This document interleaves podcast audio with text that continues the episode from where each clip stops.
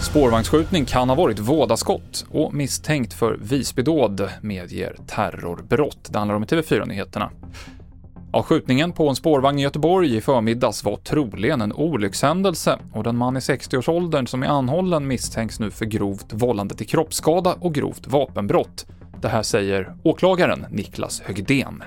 Eh, och det finns ingenting i nuläget som talar för att det har varit ett eh, avsiktligt skott som avlossats mot, eh, mot det här offret av gärningsmannen.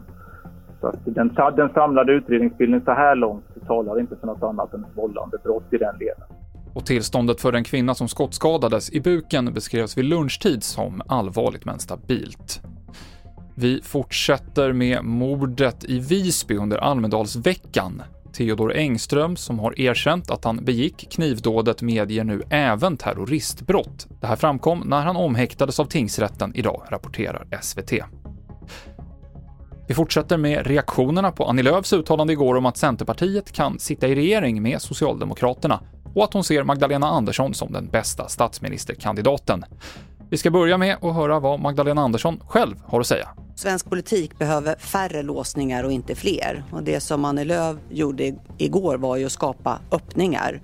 Eh, och det tycker jag är bra. Och, eh, vi kommer efter valet stor eh, sannolikhet att det kommer vara en komplicerad parlamentarisk situation och alla politiker som bidrar till att skapa öppningar snarare än låsningar, det välkomnar jag.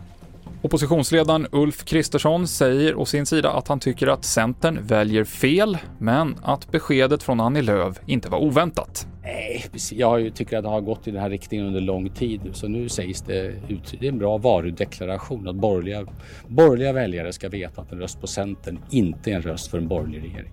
Och Vänsterpartiet vill sänka avgifterna för förskola och fritids och göra förskolan gratis för hushåll där inkomsten är under 20 000 kronor i månaden. Det här är ett krav som partiet kommer ha med sig till eventuella förhandlingar efter valet, rapporterar SR. All vår valrapportering den hittar du på tv4.se. Jag heter Mikael Klintevall.